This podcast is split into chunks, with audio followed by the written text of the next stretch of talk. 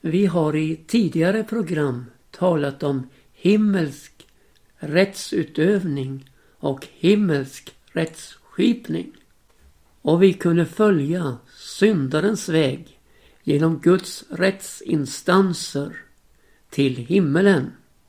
Där undret skedde att domaren själv tog straffet, syndarens straff, på sig. Jag talar om Jesus som bar våra synder i sin kropp upp på korset. Och vi ska fortsätta att tala om Guds juridik. Den han friar och den han fäller. Och här har vi att göra med rättsutövning på högsta plan. En rättsskipning som gäller för evigheten. Jag läser evangeliernas mest kända vers. Johannes 3 och 16. Och jag vill tala om det som ett rättsdokument i det här programmet. Ty så älskade Gud världen att han utgav sin enfödde son på det att var och en som tror på honom skall icke förgås utan ha evigt liv. Ty inte sände Gud sin son i världen för att döma världen utan för att världen skulle bli frälst genom honom. Den som tror på honom bliver icke dömd. Den som icke tror på honom är redan dömd eftersom icke tror på Guds enfödde sons namn. Ja, här möter oss ett generellt rättsdokument med en avgörande betingelse. Tro på Jesus. Generellt i den mening att Gud har älskat världen, alltså alla människor. Generellt därför att Gud har icke sänt sin son döma världen utan för att världen ska bli frälst genom honom. Och i detta dokument så är den avgörande betingelsen tron på Jesus. Om vi ska bli fria eller fällda. Den avgörande betingelsen är just denna. Var och en som tror på Jesus skall icke förgås men ha evigt liv. Och vidare, den som tror på honom blir icke dömd. Ja, Guds rättsutövning, Guds rättsskipning kan ju inte se mellan fingrarna på synden och låta den bli ostraffad och säga till syndaren fortsätt bara, det gör ingenting. Jo, det gör. Syndens lön är döden. Och i denna utgivande kärlekslåga från Gud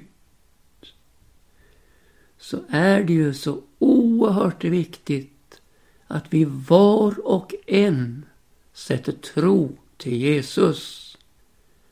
För att omfattas av den frihet som finns i honom.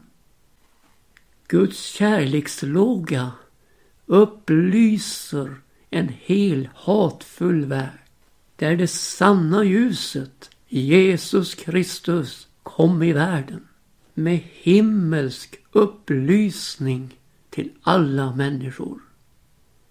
Du behöver inte sitta fast i synden.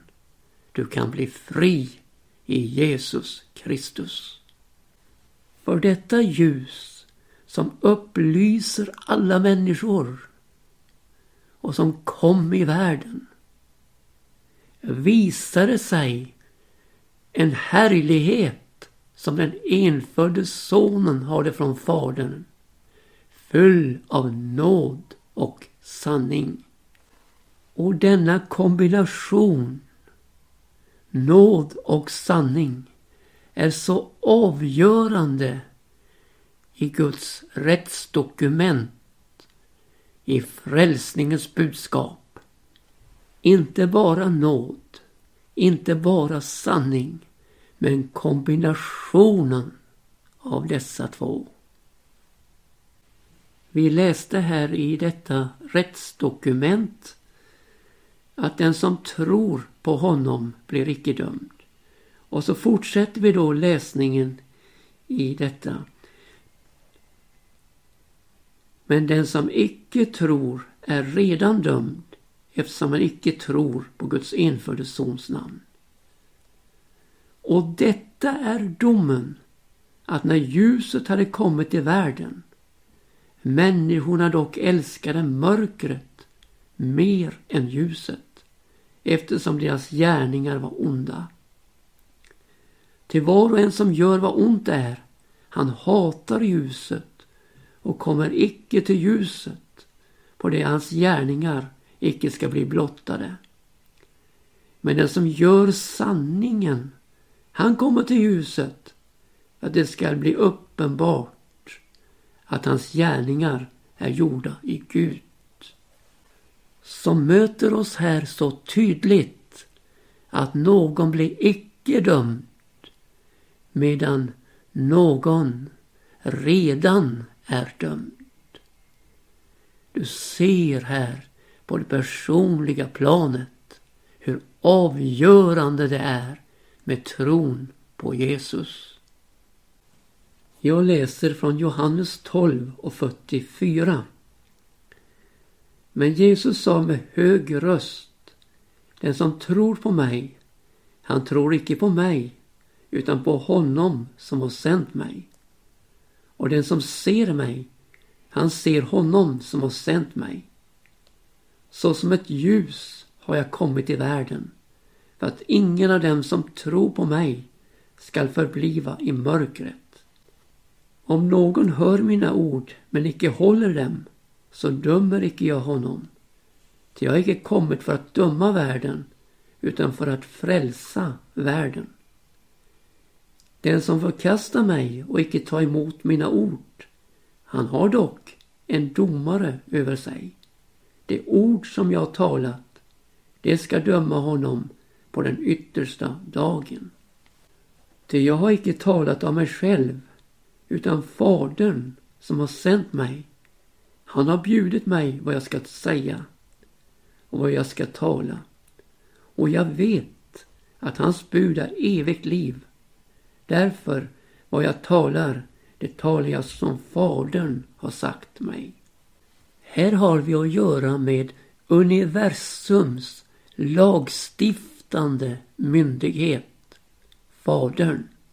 Men också med universums utövande myndighet, Jesus Kristus.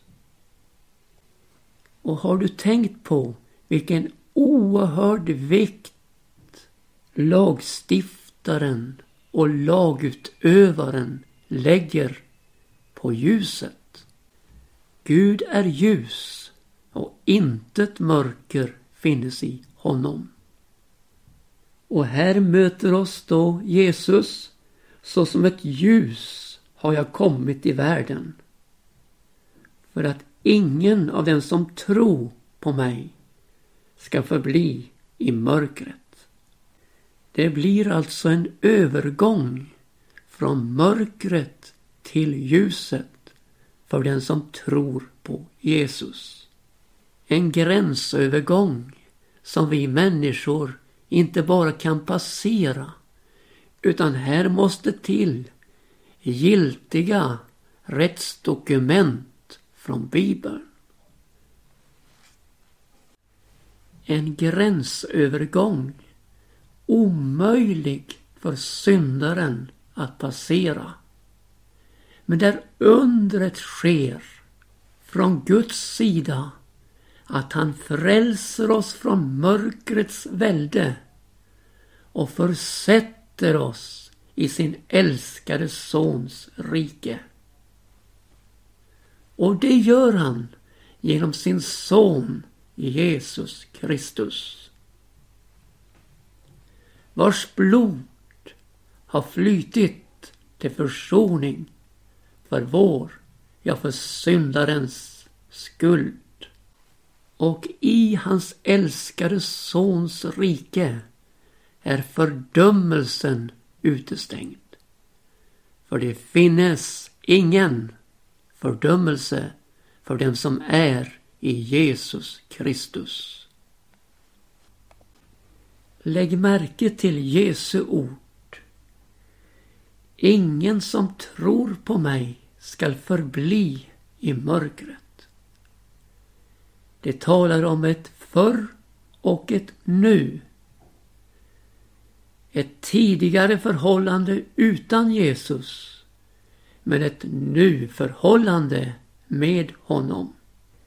Där vi får det underbara förhållandet att vandra i ljuset som han är i ljuset.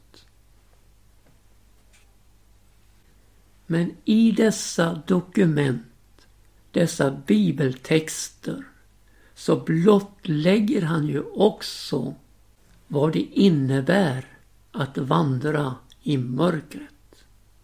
Och vi vet vad han säger, att den som vandrar i mörkret vet icke var han går. Och förhållandet är just detta att han är redan dömd eftersom han icke tror på Guds sons namn. Och när vi får denna inblick i domen och vad den bygger på så får vi veta att när ljuset kom i världen, alltså Jesus Kristus, människorna dock älskade mörkret mer än ljuset. Därför att deras gärningar var onda. Här ligger alltså grundlaget för domen. Kärleken till mörkret mer än ljuset och de onda gärningarna. Jag redan dömd efter det bibliska textdokumentet. Men så har också den människa som förkastar Jesus en dom över sig. Det ord han har talat ska döma honom på den yttersta dagen. Det handlar alltså om den yttersta domen. Där vår ställning till vad Jesus har sagt blir det avgörande. Där Jesu ord kommer att avgöra gärningarnas straffvärde. Och nu vill jag läsa från Uppenbarelsebokens tjugonde kapitel och elfte vers om denna dom, den yttersta domen. Och jag såg en stor vit tron och honom som satt därpå och för hans ansikte flödde jord och himmel och ingen plats blev mer funnen för dem. Och jag såg de döda, både stora och små, stå inför tronen och böcker blev upplåtna och jämväl en annan bok blev upplåten. Det var Livets bok och de döda blev dömda efter sina gärningar på grund av det som var upptecknat i böckerna. Och havet gav igen de döda som vore däri. och döden och dödsriket gav igen de döda som var i dem. Och dessa blev dömda var och en efter sina gärningar. Och döden och dödsriket blev kastad i den brinnande sjön. Detta, den brinnande sjön, är den andra döden. Och om någon icke fanns skriven i Livets bok så blev han kastad i den brinnande sjön. Vilken allvarlig text! Det handlar om det yttersta av det yttersta. Den slutgiltiga domen över våra liv. Och här finns alltså allt upptecknat ur våra liv. Men Gud vare evigt lov så fanns det också en annan bok med övergripande inflytande. Livets bok. Den bok som Gud skriver i. Den bok som Jesus omtalar att vi ska glädja oss över att våra namn är skrivna i himmelen. Ja, här läggs de andra böckerna till sido. Och Livets bok blir alltså det avgörande om vårt namn är skrivet där. Och varför kan alla dessa böcker om vårt liv läggas till sido? Jo, min vän, därför att de är blanka. Det står ingenting i dem. När vårt namn är skrivet i Livets bok. Jesu blod har rensat varje sida och de är fullständigt blanka. Fri från onda gärningar, fri från synden, ja vita och rena. Och tänk dig in i, Gud själv har skrivit vårt namn i Livets bok. Här vid den yttersta domen så gäller det ju livet. Den andra döden. Alltså Eldsjön. Eller evigt liv i Jesus Kristus. Det gäller vårt liv. Och låt oss inte förväxla det här med Kristi domstol. Där det handlar om lön eller att gå miste om lön. Där frågan är vad vi byggt med på grunden Kristus. Om vi har byggt med guld, silver och dyrbara stenar. Eller trä, hö och strå. Låt mig ta med detta från första Korinthierbrevet 3 och 10. Efter den Guds nåd som blev mig givet lade jag grunden såsom en förfaren byggmästare och en annan bygger nu vidare därpå. Men var och en må se till hur han bygger därpå. Till en annan grund kan ingen lägga än den som är lagd, nämligen Jesus Kristus.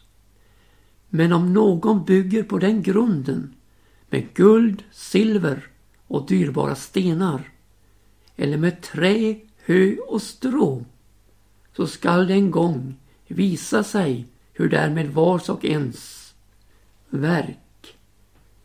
Den dagen ska göra kunnigt, Ty det skall uppenbaras i eld och hurudan vars och ens verk är, det ska elden pröva. Om det byggnadsverk som någon har uppfört på den grunden bliver beståndande så skall han undfå lön. Men om hans verk brändes upp så skall han gå miste om lönen. Själv skall han dock bli frälst, men så som genom eld. Låt oss läsa texten om Kristi domstol från Andra Korinthierbrevets femte kapitel. Och jag vill läsa då från sjätte versen så är vi då alltid vid gott mod. Vi vet väl att vi är borta från Herren så länge vi är hemma i kroppen. Ty vi andra här i tro och icke i åskådning. Men vi är vid gott mod och skulle helst vilja flytta bort från kroppen och komma hem till Herren. Därför söker vi och vår ära i att vara honom till behag, vare sig vi är hemma eller borta. Och så kommer det här. Ty vi måste alla, sådana vi är, träda fram inför Kristi domstol för att var och en ska få igen sitt jordelivs gärningar allt eftersom man har handlat, vare sig man har gjort gott eller ont. Och även om den här texten är allvarlig så är den inte till för att förskräcka oss utan snarare för att sporra oss så vi alltid har ett gott mod i vår gärning för Gud. Ja, detta bibelord handlar alltså om Kristi domstol som vi var och en får träda fram inför när vår jordevandring är slut, när vår uppgift är fullbordad. Må då vårt byggmaterial här i tiden vara av sådan kvalitet att vi undfår lön och inte går miste om den genom det som elden förtär. Dessa domstolar i evighetens värld går alltså ut på när det gäller Kristi domstol, lön eller icke lön. Den yttersta domen, livet, det eviga livet eller den andra döden. Döden dö, den eviga skilsmässan från Gud i Älvsjöns plågor. I Johannes evangelium finns också en annan text som behandlar domen som vi ska ta med. Det är från femte kapitlet och den nittonde versen. Och det är Jesus som säger Sannerligen, sannerligen säger jag er, sonen kan inte göra något av sig själv utan han gör allenast vad han ser fadern göra. Till vad han gör, det gör likaledes också sonen. Till fadern älskar sonen och låter honom se allt vad han själv gör. Och större gärningar än dessa är skall han låta honom se så att de skall förundra er. Ty så som fadern uppväcker döda och gör dem levande så gör också sonen levande vilka han vill. Icke heller dömer fadern någon, utan all dom har han överlåtit åt sonen, för att alla skall ära sonen så som de ära fadern. Den som icke ära sonen, han ärar icke heller fadern som har sänt honom. Och så fortsätter han i den 24 versen. Sannerligen, sannerligen säger jag er, den som hör mina ord och tror honom som har sänt mig. Han har evigt liv och kommer icke under någon dom utan har övergått från döden till livet. Och vi fortsätter med den 25 versen och lite nedöver. Sannerligen säger jag er, den stund kommer, ja den är redan inne, då de döda ska höra Guds sons röst och det som hörer den ska bliva levande. Ty så som Fadern har liv i sig själv så har han också givit åt Sonen att ha liv i sig själv. Och han har givit honom makt att hålla dom eftersom han är människoson. Förundra icke över detta, till den stund kommer då alla som är i gravarna ska höra hans röst och gå ut ur dem. Det som har gjort vad gott är skall uppstå till liv och det som har gjort vad ont är skall uppstå till dom. Ja, det var det vi har varit inne på här. Denna övergång från död till liv. Och som ett resultat av detta, en frifinnelse. Den kommer icke under någon dom. Blir alltså inte domfälld och gärningarna följer med den här personen. Den som har gjort vad gott är skall uppstå till liv. Och den som har gjort vad ont är skall uppstå till dom. Här möter oss något av innebörden i det Jesus säger när han säger inte den kommer in i himmelriket som säger Herre, Herre, utan den som gör min himmelske faders vilja. Här är det alltså fråga om gärningar som är gjorda i Gud. Och detta är Guds gärning, att i tron på den han har sänt. Och det underbara är att vi behöver inte sväva i okunnighet om hur det går för oss i denna rättsutövning, i denna rättsskipning. Vi förstår av texten att har vi övergått från döden till livet så går vi fria. Kommer icke under någon dom.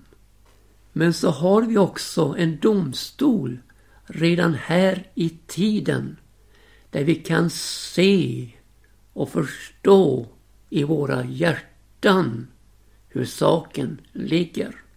Där rättsdokumentet blir skjutet in i vårt inre så vi förstår hur saken ligger till. Jag läser från Hebreerbrevet 4 och 12.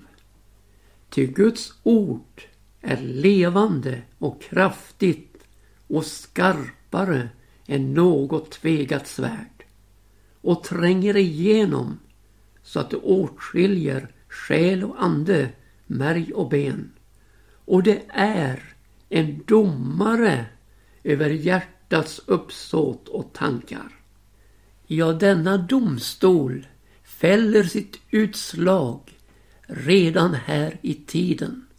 Och om vi följer domsutslaget så är vi på säker grund inför den kommande domen.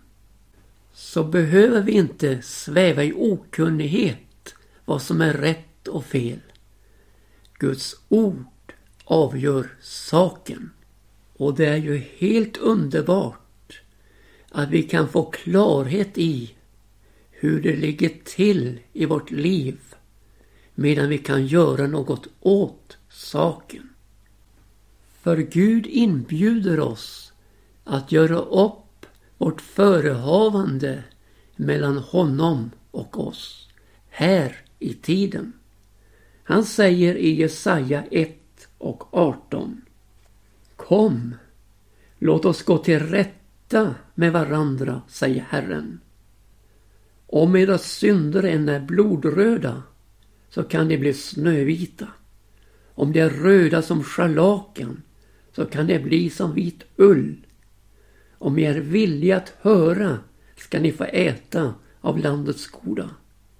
Men är ni ovilliga och gensträviga skall ni förtäras av svärd, ty så har Herrens mun talat.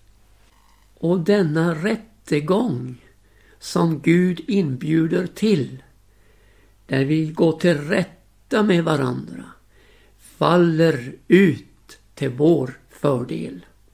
Hur så?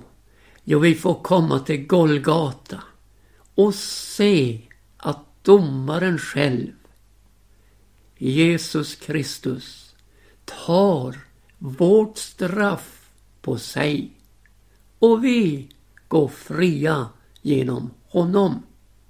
Det är så oerhört stort att vi får vara frälsta på rättsliga grunder. Och det i högsta instans. Därför inbjuder jag dig att ta upp ditt fall med Gud och uppleva en biblisk frälsningsupplevelse på rättsliga grunder.